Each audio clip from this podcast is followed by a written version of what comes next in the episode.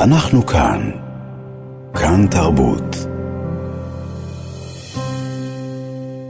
את השעה הקרובה, מאזינות ומאזינים, אנחנו נקדיש לציון יום כ"ט בחודש נובמבר, היום בו החליטה עצרת האו"ם ב-1947, לפני 76 שנים, על הפסקת המנדט הבריטי בארץ ישראל והקמת שתי מדינות, יהודית וערבית, וירושלים אמורה הייתה להיות מוכרזת כשטח תחת פיקוח בינלאומי.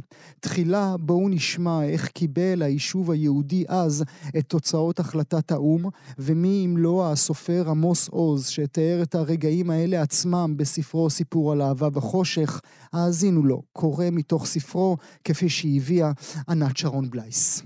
אחרי חצות, לקראת סוף ההצבעה, התעוררתי.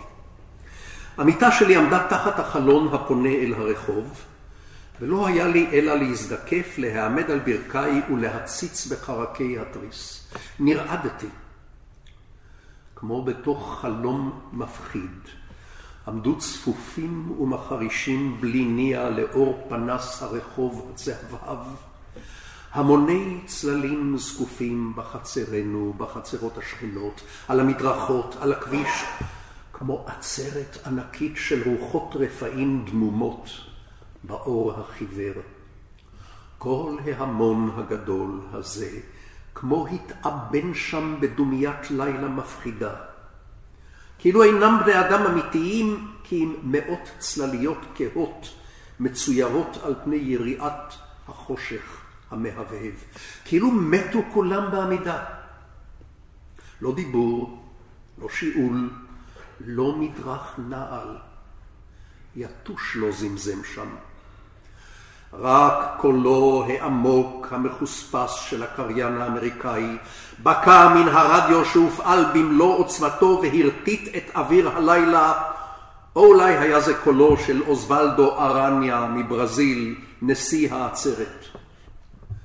בזו אחר זו קרא בשמותיהן של המדינות האחרונות ברשימה, על פי האלף בית האנגלי, ומיד חזר והרעים אל תוך המיקרופון שלו את תשובות נציגיהן. United Kingdom abstains. Union of Soviet Socialist Republics, yes. United States, yes. Uruguay, yes. Venezuela, כן. תימן, נגד. יוגוסלביה, נמנעת. בכך השתתק הכל בבת אחת. ופתאום דומיית עולמות אחרים ירדה והקפיאה את כל החיזיון. דממה מבועטת, אסונית, דממת המוני אדם עצורי נשימה, שכמוה לא שמעתי אף פעם בימי חיי, לא לפני הלילה ההוא ולא אחריו. עד ששב הקול האב, הצרוד קצת, להרעיד את האוויר דרך הרדיו ולסכם במין יבושת מחוספסת, אך הרת עליצות. שלושים ושלושה בעד, שלושה עשר נגד, עשרה נמנעים ומדינה אחת נעדרת מן ההצבעה, ההצעה מתקבלת. ובכך נבלע קולו בשאגה שבקעה מתוך הרדיו, געתה וגלשה מן היציעים המשתוללים בחדווה באולם שבלייק סקסס, וכעבור עוד שתיים שלוש שניות של תדהמה, של שפתיים מפוסקות כמו צמאות, של עיניים קרועות לרווחה, השתאג בבת אחת גם הרחוב הנידח שלנו שבפאתי כרם אברהם בצפון ירושלים בצעקה ראשונה נוראה, קורעת את החושך ואת הבניינים והעצים, פולחת את עצמה צעקה לא של שמחה, כלל לא דומה לשאגות של המוני מגרשי הספורט, לא דומה לשום התלהמות של המונים משולהבים. אולי יותר כמו צווחת זוועה ופלצות, צעקה אסונית, צעקה מזעזעת אבנים הייתה זו, מקפיאת דם. כאילו כל ההרוגים שהיו, וכל ההרוגים שעוד יהרגו, קיבלו בו ברגע אשנב זעקה. וכבר כעבור רגע עלו והחליפו את זעקת הזוועות הראשונה המון שאגות השמחה ובליל קריאות ניחרות לעם ישראל חי ומישהו ניסה לשווא להתחיל בשירת ההמנון וצווחות נשים ומחיאות כפיים ופה בארץ חמדת אבות וכל ההמון החל לנוע אט אט סביב עצמו, כאילו נבחש כולו במערבל ענק, ולא היה עוד שום מותר ושום אסור, ואני קפצתי אל תוך המכנסיים, אבל התעלמתי מחולצה וסוודר, ונוריתי בזינוק אחד מן הדלת שלנו החוצה, וידיו של איזה שכן או זר הניפו אותי שלא ארמס, והעבירו אותי הלאה מעופף מיד ליד ליד, עד שנחתתי על כתפי אבי ליד שער החצר שלנו. ככה בדיוק תיאר אה, עמוס עוז את תגובת היישוב היהודי להחלטת האו"ם על חלוקת הארץ והקמת מדינה יהודית. כ"ט בחודש נובמבר הפך במידה רבה ליום מיתולוגי בזיכרון הישראלי הקולקטיבי. לא רבים באמת יודעים מה היה שם, מה הוחלט שם, אבל הוא הפך ליום מיתולוגי שממנו אנחנו חשים ועליו אנחנו נתלים כאילו העולם אוהב אותנו. הנה, הוא החליט להעניק לנו בית. היום הזה כמובן הופך טעון מאז טבח שבעה באוקטובר, לא רק כי פתאום 76 שנים אחרי אנחנו שוב נלחמים על הבית, אלא גם אנחנו נלחמים על המרחב, על האהבה, על העובדות, על הדיסאינפורמציה והפייק ניוז שמופצים מכל עבר מצד אלה שבמקרה הטוב לא יודעים בכלל מה החליט האו"ם, ובמקרה הרע ממציאים היסטוריה אלטרנטיבית. אז מה באמת היה שם? מה באמת הוחלט? שהוחלט שם, בואו נלמד. נברך לשלום את ההיסטוריון, הפרופסור מוטי גולני מאוניברסיטת תל אביב. בוקר טוב לך. בוקר טוב. תודה רבה שאתה נמצא איתנו. קצת קשה לבוא אחרי עמוס עוז, במיוחד בדרך בה הוא קרא את הרגע עצמו, אבל מה באמת היה שם בכ"ט בנובמבר? קודם כל התרגשתי לשמוע את, את עמוס, שהיה מורה שלי, ו... מורה אהוב, אה, אפשר לומר, אבל באמת אה, אה, צריך קצת להתרחק מה, מהדרמה המובנת של עמוס, ולנסות לראות את הדברים כפי שההיסטוריוגרפיה רואה אותם. שוב, הנחת היסוד היא שלא צריך לשאול האם האו"ם אוהב אותנו, או אהב אותנו, או יאהב אותנו. זו בכלל לא השאלה. השאלה היא מה תפקידו, ומה בעצם הייתה ההחלטה הזו ואיזה תפקיד היה לה אה, בהקמת מדינת ישראל. Mm-hmm. אז אני, אני אתחיל מהסוף. אלמלא ההחלטה, אה, אתה יודע, שאנחנו גיירנו אותה חלקית, כ"ט בנובמבר, ה-29 בנובמבר, אלמלא ההחלטה הזו לא הייתה אה, קמה מדינת ישראל. כי ההחלטה הזו בעצם הייתה החלטה של מי שהיה כאן ריבון. חבר הלאומים, אה, אחרי מלחמת, שקם אחרי מלחמת העולם הראשונה, אה, היה הריבון על השטח הזה שנכבש על ידי הבריטים מידי האימפריה העות'מאנית. אותו חבר לאומים נתן מנדט, ייפוי כוח בעברית, לבריטניה לשלוט על חלק מהאזור, כולל מה שהיה לימים פלסטיין, mm-hmm. ומאוחר יותר גם ישראל. כיוון שחבר הלאומים נמוג אל תוך מלחמת העולם השנייה, קם תחתיו ב-1945 האו"ם, והאו"ם. ירש. אה, גם את הבעלות, את הריבונות, יותר נכון, אה, אה, על הקרקע. על, הקרקע ועל האנשים למעשה. והריבון החליט ב-29 בנובמבר 1947, שפג תוקפו של המנדט שבריטניה קיבלה, והאזור שבין הירדן לים יחולק לשלושה חלקים.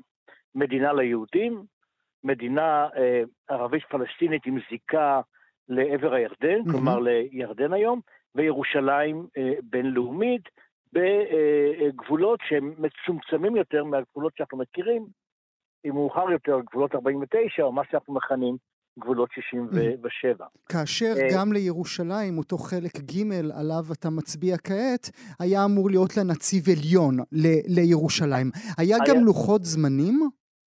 היו לוחות זמנים, וזה מרתק, לפי לוחות הזמנים של ההחלטה הזו, בואו נקרא לה החלטה מספר 181, זה היה המספר שלה, שהיא החלטה היסטורית, תכף אני אגיד גם מדוע, גם מבחינת האו"ם היא היסטורית, היה לוח זמנים, לפי לוח הזמנים הזה המנדט, הנוכחות הבריטית הייתה אמורה להיגמר בסוף אוגוסט 1948, ואז אה, האו"ם יקבל אחריות זמנית, ובראשית אוקטובר תקומנה שתי המדינות וירושלים הבינלאומית, כלומר אם לפי ההחלטה, אתה כ"ט בנובמבר, יום עצמאותנו mm-hmm. זה האחד באוקטובר. האחד באוקטובר, ככה כן. היינו אמורים לחגוג, אנחנו ושכנתנו, המדינה הערבית-פלסטינית, זו עם הזיקה לירדן. ממש, ממש כך. עכשיו, למה, למה זו החלטה היסטורית מבחינת האו"ם? כי אה, האו"ם, בגלל המבנה המיוחד שלו אה, במלחמה הקרה וגם אחר כך, שבו יכולות המעצמות לנטרל זו את זו, במידה רבה, הגיע בפעם הראשונה והאחרונה להחלטה משותפת שגם ארצות הברית וגם ברית המועצות תמכו בה. וזו ההחלטה הזאת של ה... של, של המאה המנדט. ה-81. בדיוק. מדוע ההחלטה לא מיושמת? או אני אשאל, אני אשאל אחרת, האם היה רגע בזמן שבו ההחלטה יושמה?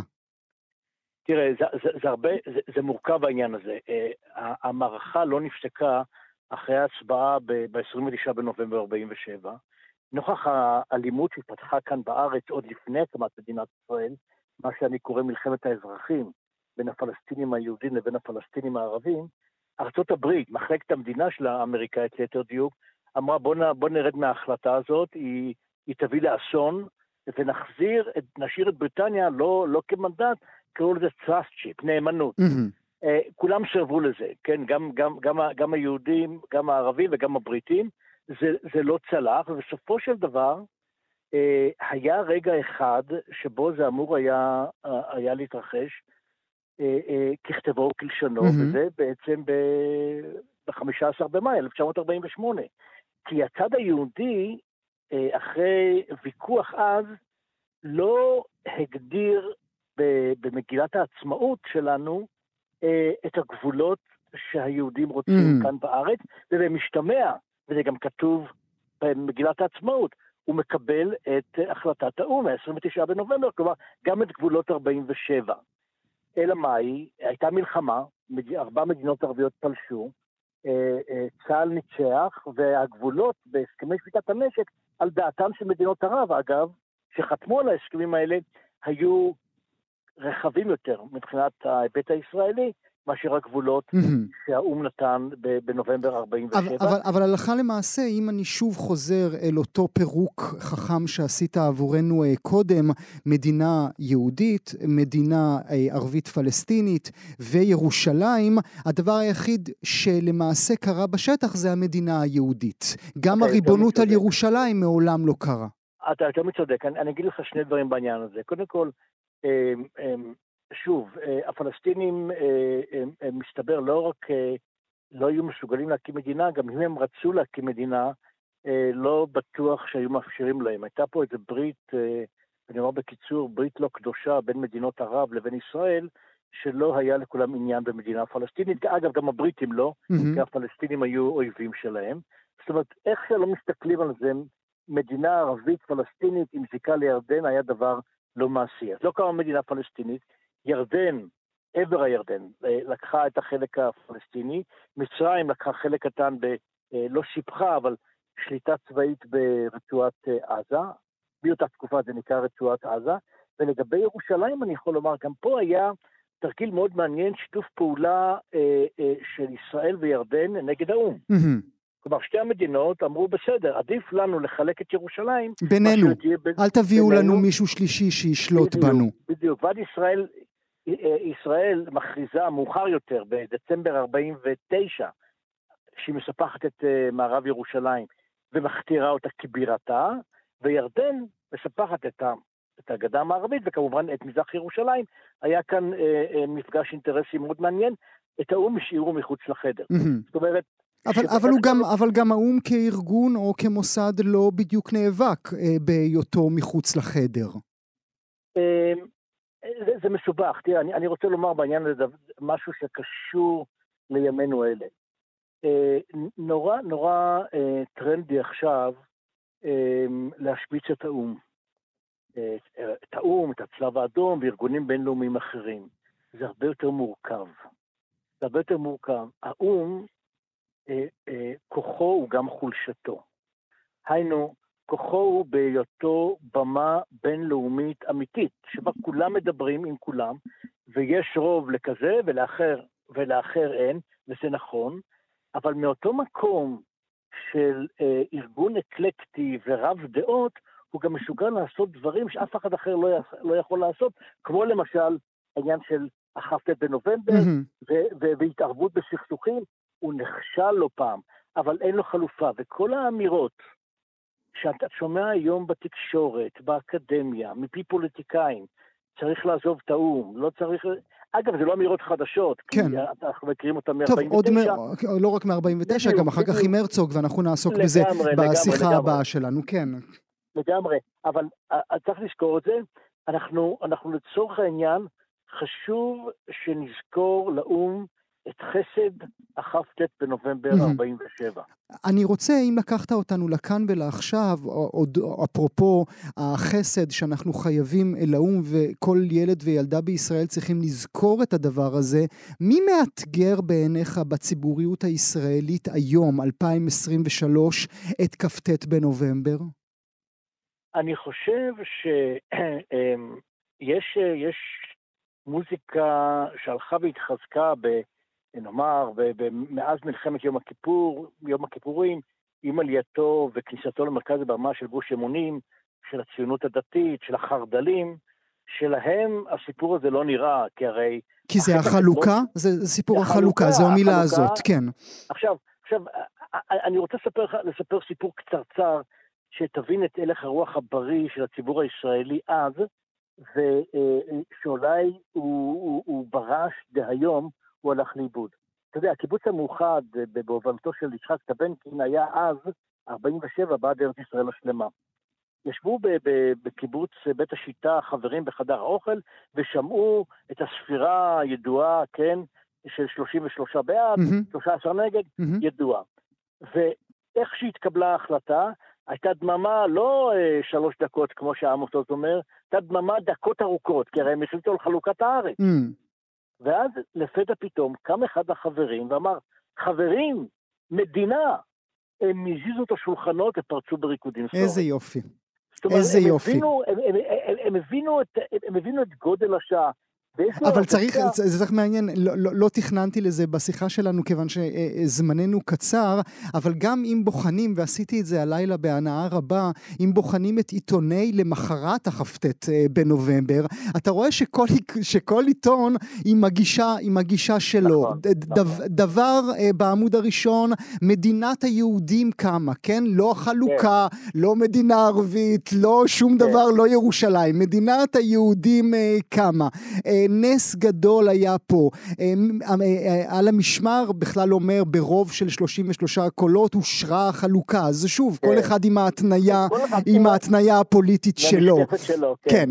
אה, אני רוצה אולי לסיום השיחה שלנו עוד מילה ברשותך, וזה הזיכרון שלנו. אני כבר לא אכפת לי מהג'יג'י חדיד של העולם, כן? אתה אולי לא יודע מי זאת ג'יג'י חדיד, או מי זו ביורק, אבל לא אכפת לי מהן. אכפת לי מהילדות אני יודע, והילדים. כן. אוקיי, אז אני שמח. אכפת לי כן. מהילדות והילדים שלנו. כן. האם העובדה שנגיד הרבה מאוד מתבלבלים, גם אני עושה את זה לפעמים, בין כ"ט בנובמבר לבין הצהרת העצמאות. נכון, נכון. אה, בין הריקודים שקרו כמה חודשים אחרי לדבר, לדבר עצמו. עד כמה זה בעצם מה, מה שקורע מאיתנו את החיבור לארץ הזאת בעיניך? אני חושב שזה מעניין, וגם בסרטים רבים אתה רואה שעושים שימוש בתמונות הנפלאות של הריקודים ב-29 בנובמבר 47 ל- ל- לריקודים שלא היו בעוצמה כזאת כשהוכרז על הקמת המדינה ב-14 במאי 48, כי הייתה מלחמה. כן, באותו רגע הייתה מלחמה. אחר. כן. אני, אני חושב, אני, אני, אה, תראה, זיכרון זה לא מה שהיה, זיכרון זה מה שהווה ומה שיהיה. ואני חושב שבמקרה הזה הזיכרון הקולקטיבי שלנו עושה משהו מאוד בריא. בריא דווקא? בריא דווקא, אני גם אסביר מדוע. אה, אני, אני כהיסטוריון לא מצפה מהזיכרון שיספר לי מה היה. אני חושב שבניגוד לטרנד הנוכחי של לדרוך על האו"ם ולסובב את הרגל, הזיכרון בצדק ידוע חיבר בין שני האירועים האלה, שמה שמבדיל בהם זה כחצי Mm. שנה. אוקיי. הוא חיבר ביניהם כי אי אפשר שלא לחבר.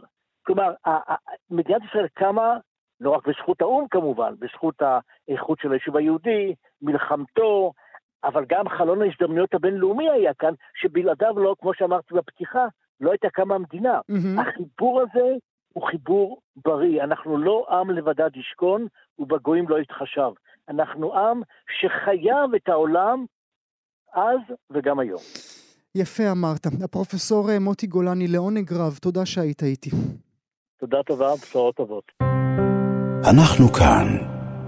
כאן תרבות. אנחנו כאן, מאזינות ומאזינים, גם כן תרבות. אנחנו ממשיכים בשעה המיוחדת שלנו לציון יום כ"ט אה, בנובמבר. נפנה כעת מבטנו אל מוסד האומות המאוחדות. את הצלילים האלה, שהפכו כבר מיתולוגיים, כולכם מכירות. Afghanistan? No. Ukraine? Yes. Soviet Union? Yes. United Kingdom? Abstain. United States? אני אוהב כל כך את הצלילים האלה. האם היום, בעולם מדומיין, אילו היום, בכ"ט בחודש נובמבר 2023, ולא כ"ט בנובמבר 1947, היו נציגי המדינות צריכים להצביע על אותה החלטה, החלטה 181. האם הם היו מצביעים בעד הקמת בית לעם היהודי? או שלא, או לחילופין מטריג ולי ששימש כמזכ"ל האו"ם אז בכ"ט בנובמבר ועד אנטוניו גוטרש שמשמש היום כמזכ"ל האו"ם, איך הידרדרו היחסים שלנו עם המוסד הזה שהוקם לאחר מלחמת העולם השנייה בניסיון למנוע לחימה.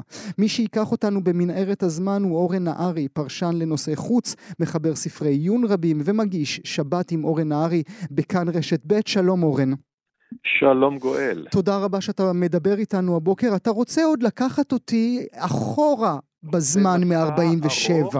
אתה רוצה לקחת אותי לחבר הלאומים.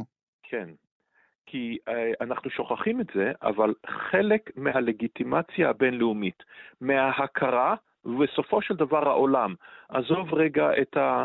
אה, אה, את הפריבילגים והחמאסניקים ועוזריהם הצועדים ואומרים from, from the river to the sea, פלסטיין של בפרי, הלגיטימציה של העולם שאנחנו, הרלוונטי לנו בקיומה של מדינת ישראל, נובע מחבר הלאומים, מהמוסד הראשון, שמשפטית הוריש את החלטותיו לאו"ם, mm. ועל כן באותן ועידות שבהן הוחלט על המנדט ולא נלך לכל הסדר הזה, זה מה שנותן את זה שקמנו מתוקף החלטת או"ם, לא, או לא רק. אה, ממלחמה, ברור לחלוטין שאם לא היינו מצליחים לעמוד על נפשנו במלחמת העצמאות, שום דבר לא היה עוזר, שום mm-hmm. החלטה בינלאומית. אבל השאלה שלך, והיא שאלה חשובה, האם היום הייתה באה ההחלטה הזאת? ייתכן שהייתה באה, ואני אגיד מדוע, כי אנחנו שוכחים את זה, אבל ההחלטה לא הייתה על הקמת מדינת ישראל, mm-hmm. ההחלטה הייתה על הקמת שתי, שתי מדינות. מדינות, החלוקה עצמה. מדינה mm-hmm. יהודית, שבה מחצית האוכלוסייה ערבית, ומדינה פלסטינית או ערבית מקומית.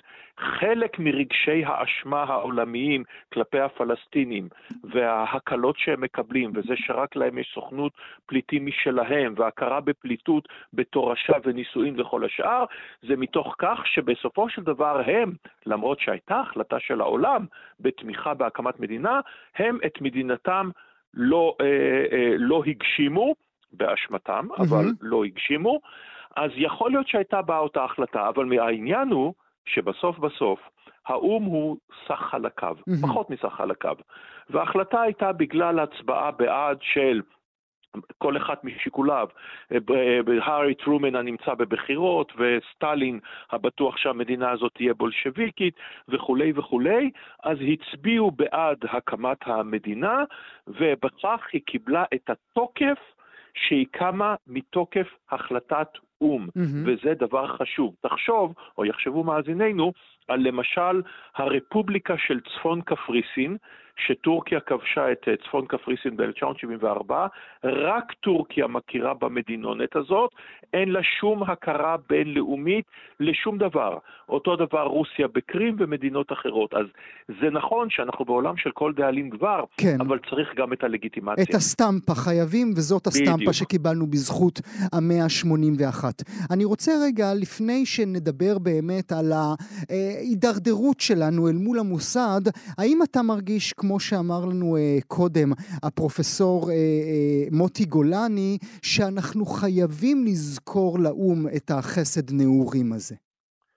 אנחנו חייבים לזכור לאו"ם את חסד הנעורים הזה. שוב, אני בא ואומר, זה לא שהאו"ם עשה משהו, המדינות השונות, כל אחת מטעמיה, חשוב לזכור את זה, הן אלה שהצביעו במסגרת אותו מוסד. המוסד הזה בהחלט עשה כמה דברים, אבל עם כל הכבוד, הייתה פה הצטברות של נסיבות אדיר, אה, ששיחקו לטובתנו, החל כמובן מהזיכרון הטרי של השואה, ומאות אלפי עקורים יהודים ברחבי אירופה שאף אחד לא רוצה לקבל אותם, וכמובן אה, מה קורה בארץ ישראל עם המאבק בבריטניה הנחלשת שרוצה לצאת מפה, הכל שיחק לטובתנו. עכשיו לגבי האו"ם, mm-hmm. אם נלך מאותו זמן ואילך, זה לא שהייתה הידרדרות, כי מלכתחילה המצב היה שאנחנו נקלענו ל... עולם שהוא כמובן מחולק בין המזרח לבין המערב, כאשר הגוש הקומוניסטי הוא נגדנו במידה רבה מאוד, והמערב לא בדיוק מאמץ אותנו אל ליבו, כדאי לזכור את זה לאורך שנות ה-50 וה-60, המערב בעיקר ארצות הברית, קצת צרפת, ודאי בריטניה לא, אז אנחנו נמצאים במצב שאנחנו מבודדים, והעולם הבלתי מזדהה, מה שנקרא, אחד מחמשת המייסדות של ה... גוש המדינות הבלתי מזדהות זה מצרים של נאצר. ויחד איתה אינדונזיה המוסלמית, כן. והודו האנטי-ישראלית. כלומר, הייתה פה באמת, היינו באמת די מבודדים. Mm-hmm. אז מצד אחד, האו"ם באמת אה, אה, היה בסופו של דבר, אם אתה, יש לך גיבוי אמריקני, אז אתה יכול קצת לזלזל בשנים האחרונות באו"ם. אבל עדיין הייתה לו משמעות. עדיין יש לו משמעות ולו משמעות סמלית, כי בעולם מזכ"ל האו"ם אומר, הוא נתפס כאיזושהי סמכות, כאיזושהי אוטוריטה. Mm-hmm. וכשאנטוניו גוטרש אומר את השטויות mm-hmm. שלו... אנחנו נגיע לזה בעוד רגע לפני, אבל, אליו, אבל, אבל כן. אם, אם תרשה לי, בתחושות הפרטיות אה, שלי, כאשר התחלת לדבר אודות המדינה הזו והמדינה הזו ומי נגדנו ומי בעדנו, זה היה נשמע יותר כמו אירוויזיון ופחות כמו נכון. אה, אה, דברים שאחראים... האום, עכשיו, האו"ם יש לו...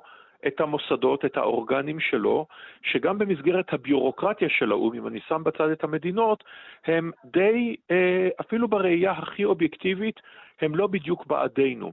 אנחנו מסתכלים על סוכנויות הפליטים, mm-hmm. אנחנו מסתכלים על אה, אה, בתי דין בינלאומיים, אנחנו מסתכלים על אה, אונסקו בתקופות, אה, מסו... במרבית התקופות.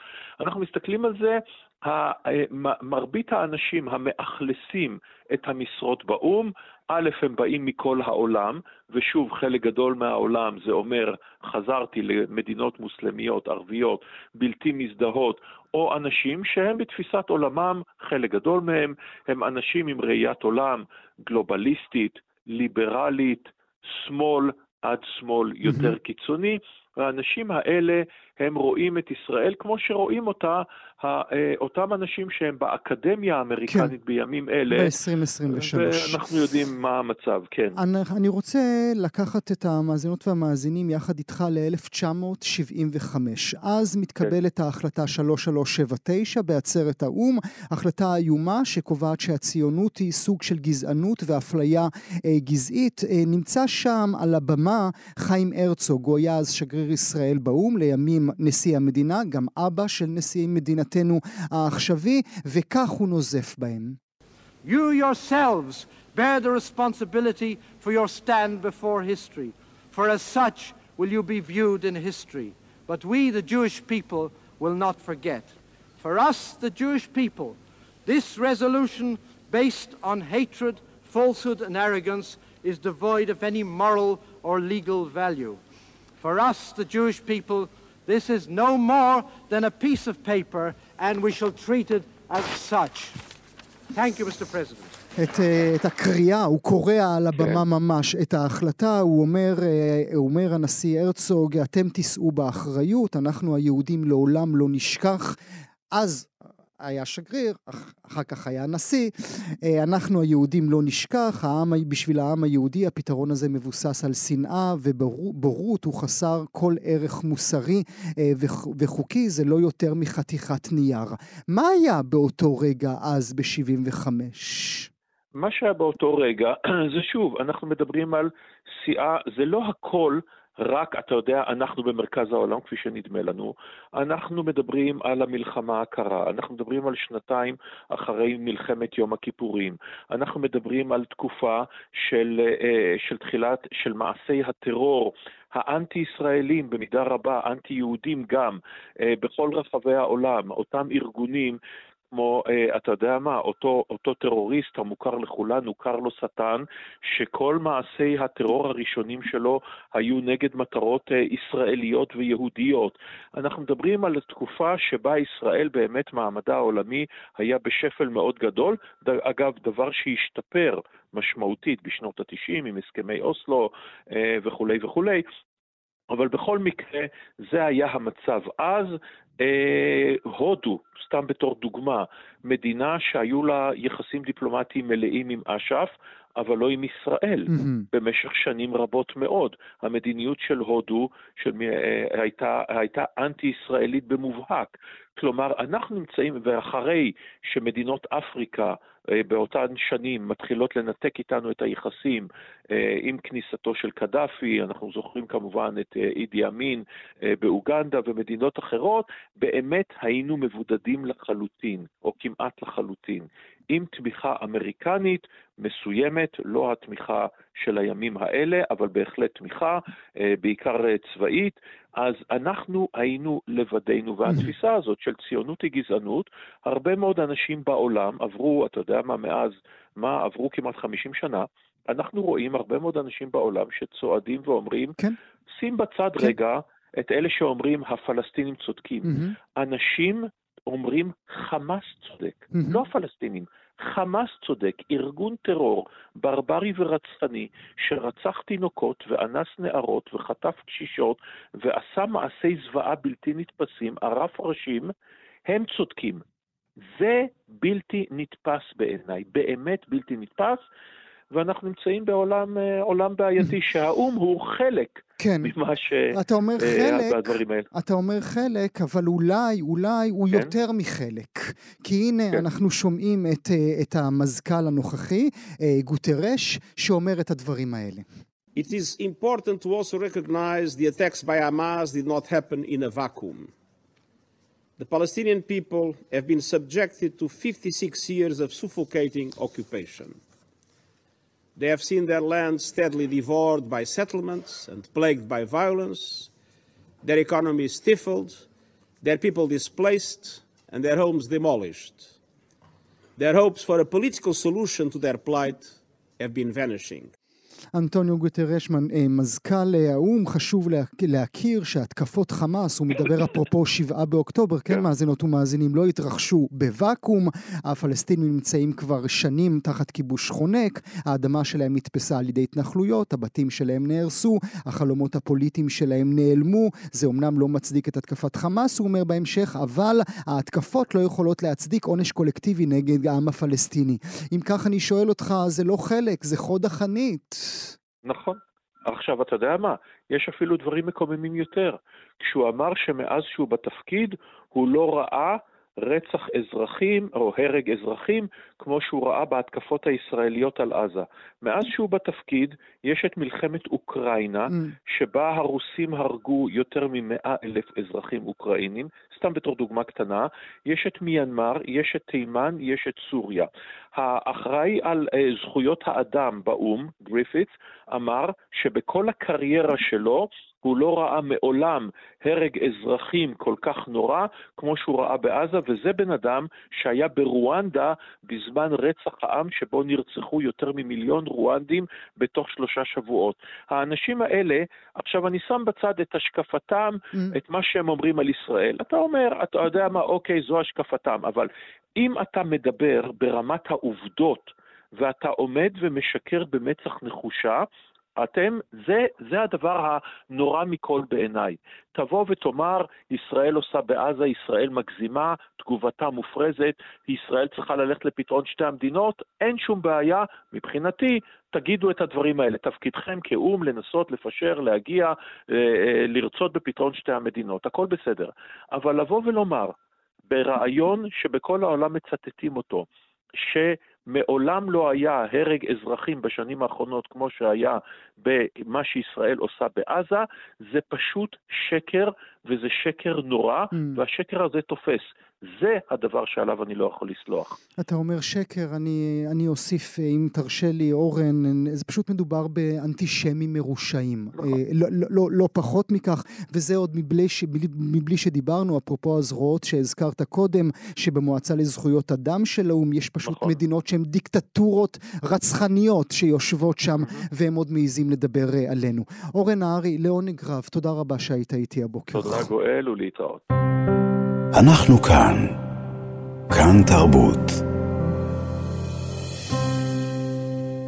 אנחנו כאן, מאזינות ומאזינים, גם כן תרבות, בשבוע השמיני למלחמת שבעה באוקטובר.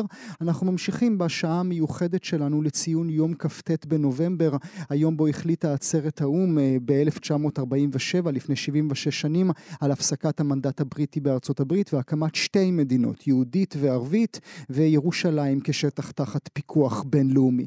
לאורך השעה כולה אנחנו חשים את החיבור היום בין כ"ט בנובמבר 1947 לכ"ט בנובמבר 2023, כאשר גם היום אנחנו עדיין נלחמים על הבית שלנו, על בית לעם היהודי. לא רק שאנחנו נלחמים, אלא שיש אחרים שמבקשים ליצור היסטוריה מדומיינת, שקרית, עד כדי מחיקה של אותה החלטה שהתקבלה באו"ם. קחו למשל את מוזיאון קווינס, אחד מהמוזיאונים הנחשבים בעולם. משכנו באותו הבניין, הוא יושב באותו בניין בו התקבלה החלטה 181 על חלוקת הארץ, אותו בניין בו שכן האו"ם בבית הקודם שלו. במוזיאון, בגלל החשיבות ההיסטורית של הבניין, יש כתובות עם ההחלטות המשמעותיות שהאו"ם קיבל, ביניהם גם ההחלטה 181. אבל עכשיו, בשבועות האחרונים, אנחנו רואים קולות שדורשים מהנהלת המוזיאון לא רק למחוק את הפרט הזה מהקיר, אלא גם להוסיף לו שההחלטה הובילה לנכבה הפלסטינית. מי שתסביר ותלמד אותנו היא רותי דירקטור, עוצרת אומנות עכשווית, לשעבר במוזיאון תל אביב, שספרה הדרך לוונציה רק ראה אור. שלום רותי. שלום, בוקר טוב. תודה רבה שאת נמצאת איתנו. ברכות על הספר שלך, הדרך לוונציה. כולנו האזנו, האזנו לראיון המרגש שלך עם אנשי מה שכרוך תוכנית הספרות שלנו, אה, ואנחנו נמליץ גם אנחנו על הספר הזה. אוקיי, מה קורה בקווינס? אז קודם כל, הבניין הזה, הבניין ההיסטורי הזה, ש... מאכלס את ההחלטה של האו"ם. בעצם האו"ם הרי נוסד ב-46, ועד 1950, עד שהוא עבר למשכנו הקבוע במנהטן, הוא שכן במבנה שנבנה ב-1939 כבניין ניו יורק, כחלק מהיריד העולמי mm. שהתארח אז בניו יורק ב-39. וזה מבנה מפואר, שמי שעמד מאחוריו, מאחורי בנייתו זה רוברט מוזס, מי שהיה אה, מהנדס העיר ניו יורק במשך כמה עשורים, דמות מאוד מאוד משמעותית, שאחראית במידה רבה על פניה של ניו יורק, mm-hmm. כפי שאנחנו מכירים אותה היום, דמות גם שנויה במחלוקת מאוד, כן, מבחינת זה מה שהוא עשה בניו זה האיש שבנה הכי הרבה בניינים בכל רחבי, אה, בכל רחבי ניו יורק, נכתבו עליו ספרים וסרטים תיעודיים, כן. כן.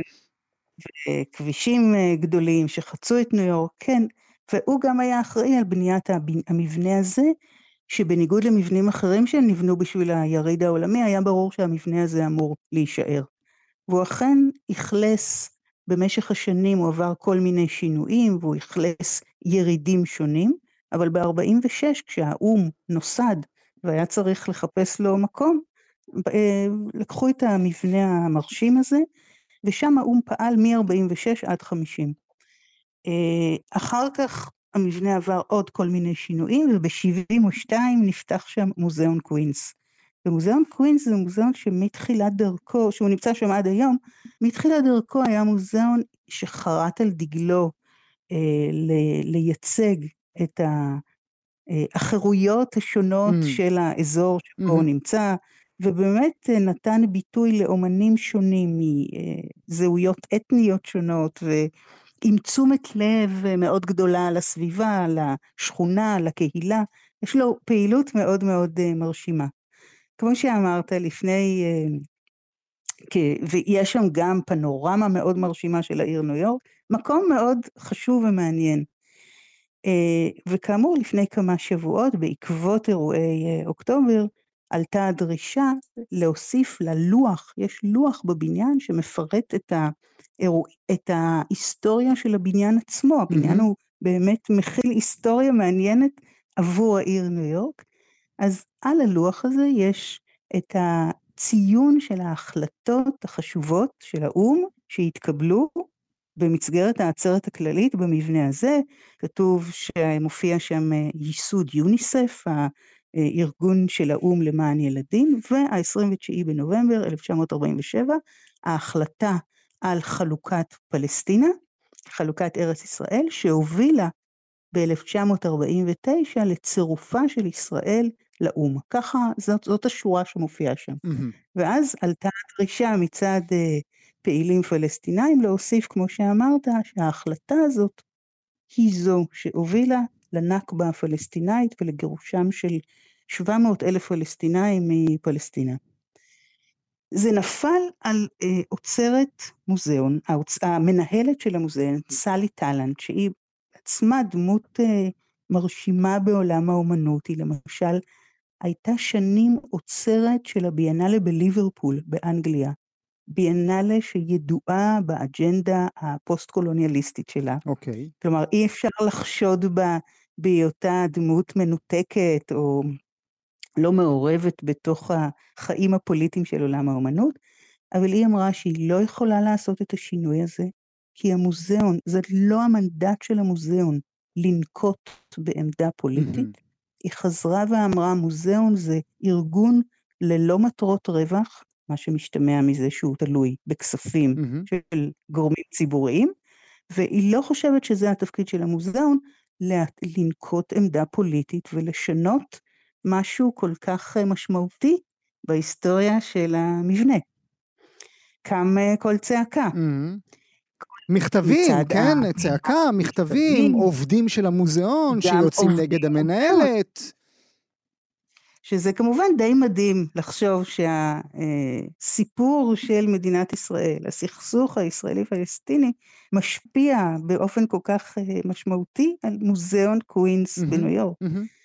כל זה גם יושב גם על היסטוריה מאוד מעניינת נוספת של המוזיאון, כי המנהלת הקודמת של קווינס, של המוזיאון לפני סלי טלנט, הייתה אה, אוצרת בשם לורה רייקוביץ', שהייתה דמות מאוד פוליטית, שלא חששה מלהביע דעות פוליטיות דרך המוזיאון. למשל, ביום, ההצ... ביום ההשבעה של דונלד טראמפ ב-2017, היא הייתה מהמוזיאונים הבודדים שהצטרפו לשביתת האומנות שהייתה אז, וסגרה את המוזיאון. וואו. זאת הייתה יוזמה של לא מעט אומנים וגלריות ומוזיאונים לסגור את המוזיאון ביום ההשבעה שלו, ב-20 בינואר 2017, אבל בסופו של דבר מעט מאוד מוזיאונים העזו לעשות את זה. היא סגרה את המוזיאון. Mm. נוסף לזה, באותה שנה, 2017, זה היה 70 שנה להחלטת האו"ם של 1947, מי שהיה אז שגריר ישראל באו"ם, דני דנון, רצה לעשות שחזור של האירוע ההיסטורי במקום שבו הוא נעשה, okay. אוקיי. במוזיאון קווינס. make sense, כן, יש בזה היגיון, אוקיי. Okay. כן, אז אירוע חגיגי וטקס חגיגי, המוזיאון אישר את האירוע, ואז כפי שהודיעה לורה רייקוביץ', שהייתה אז מנהלת המוזיאון, היא ביטלה את המוזיאון, היא אמרה שהיא קיבלה תגובות מצד הידידים הפלסטינים של המוזיאון, והיא חוזרת בה מהסכמתה. ואז קם קול צעקה, פוליטיקאים יהודים וניו יורקרים האשימו אותה באנטישמיות. אבל אז בדיוק חוקק, המושל ניו יורק חוקק חוק נגד מוסדות שמשתפים פעולה עם ה-BDS. ואז היא שוב חזרה בה, ובפעם השלישית בפינג פונג הזה הסכימו, המוזיאון אישר לקיים את האירוע החגיגי ל-70 שנה ל-29 בנובמבר במוזיאון, אבל היא התפטרה. זאת אומרת, האירוע, בגלל ההחלטה, בגלל ההחלטה. היא, פר, היא כתבה שהיא מתפטרת בגלל יחסים mm. לא פשוטים עם חבר המנהלים של mm-hmm. המוזיאון, אבל ברור שהפינג פונג הזה שנעשה וה... דעות הפוליט... היותה אקטיביסטית עם דעות פוליטיות די ברורות, פרו-פלסטיניות, השפיעו על ההחלטה הזאת. אז מעבר לזה ששוב אני אומרת, זה כל כך מדהים לחשוב שהפוליטיקה הפנימית שלנו והסכסוך המקומי שלנו פה משפיע על מוזיאון בניו יורק, זה מעלה שאלה מאוד מעניינת לגבי איך מוזיאון תופס את, mm-hmm, ה... mm-hmm. את, את עצמו. אבל מה שאני, כן, שנים... מה שאני כן אוהב, ואם את מרשה לי, אני חוזר רגע אל המנהלת הנוכחית, שלא הסכימה כן. לבקשה של העובדים, ולא ביק... לא כן. הסכימה לבקשה של הפרו-פלסטינים שם, שטענו, שביקשו לשנות את, ה... את, ה... את השלט שם, היא אומרת משהו הגון, כי לא משנה מה הדעות הפוליטיות שלך, העיקר שתישאר הגון, כי היא אמרה, למה לא הצהרנו כלום על אוקראינה? למה לא הצהרנו נכון. כלום על קונגו? מה פתאום אתם רוצים שאני אצהיר להעביר עכשיו משהו על פלסטין. בדיוק. מה הדרישות שלכם ממוזיאון? למה מוזיאון אמור להיות כלי פוליטי? למה אני אמורה להביע דעות פוליטיות? זאת העמדה שלה. שאם אני מרחיבה את זה, אז אני שואלת באמת, אני שואלת, זאת שאלה שנשאלת לגבי מוזיאונים. האם מוזיאון צריך להיות ניטרלי? האם מוזיאון בכלל אמור לנקוט עמדה? Mm. או מתי מגיע קו אדום שבו הוא כן צריך לנקוט עמדה. אז באמת היא אומרת, אוקראינה, קונגו, העולם מלא עוולות. מתי המוזיאון צריך לעמוד על רגליו האחוריות ולהגיד עד הנה? Mm-hmm. בזמן, אה, ב-Black Lives Matter, מוזיאון קווינס מאוד הייתה, היה מעורב בזה, מאוד הביע את uh, עמדתו. זאת אומרת, יש אירועים שבהם המוזיאון כן מתגייס. Mm. אבל, אבל צריך, להגיד, צריך להגיד, גם במקרה כזה שבו המוזיאון מחליט שלא להצהיר הצהרה פוליטית, עדיין אה, העבודות שלו, או העבודות שהוא מציג בחללים, יכולים להיות מאוד פוליטיים. זה לא ישנה את ההחלטה אם המנהלת תחליט בשנה הבאה אה, לעשות את תולדות האומנות הפלסטינית אצלה במוזיאון. נכון, זה באמת שני ערוצים של פעילות של המוזיאון. מצד אחד האומנות ש... שמוצגת שם, האומנים שמציגים, ומצד שני העמדה המוצהרת, העמדות ה... אה, המשוחררות לציבור דרך ההנהלה. זה באמת שני הערוצים. אולי... אבל כאמור, כן, זה באמת מעניין לחשוב על המוזיאון בהקשרים של ניטרליות. כי במשך שנים היה נדמה שמוזיאון הוא, הוא מוסד אוניברסלי וניטרלי. שני, שתי מילים שהיום קשה בכלל אה, להגיד שלא סביב מרכאות. כי ברור שכל מוסד יש לו בסופו של דבר אה, עמדות, mm-hmm. ויש אחורי קלעים, ויש אילוצים, בין אם אילוצים כלכליים או פוליטיים mm-hmm. ישירים. ובוודאי ובוודאי כשאתה שוכן בבניין עצמו, כאילו, תחליפו בניין ולא נדבר איתכם יותר. לא, הבניין הוא מצוין, שלא יחליפו אותו, אבל uh, הוא גם מייצר את כל האי שקט הזה, כן. רותי דירקטור, עוצרת אומנות uh, עכשווית ומחברת הדרך לוונציה. תודה שהיית איתי הבוקר, רותי. תודה, גואל.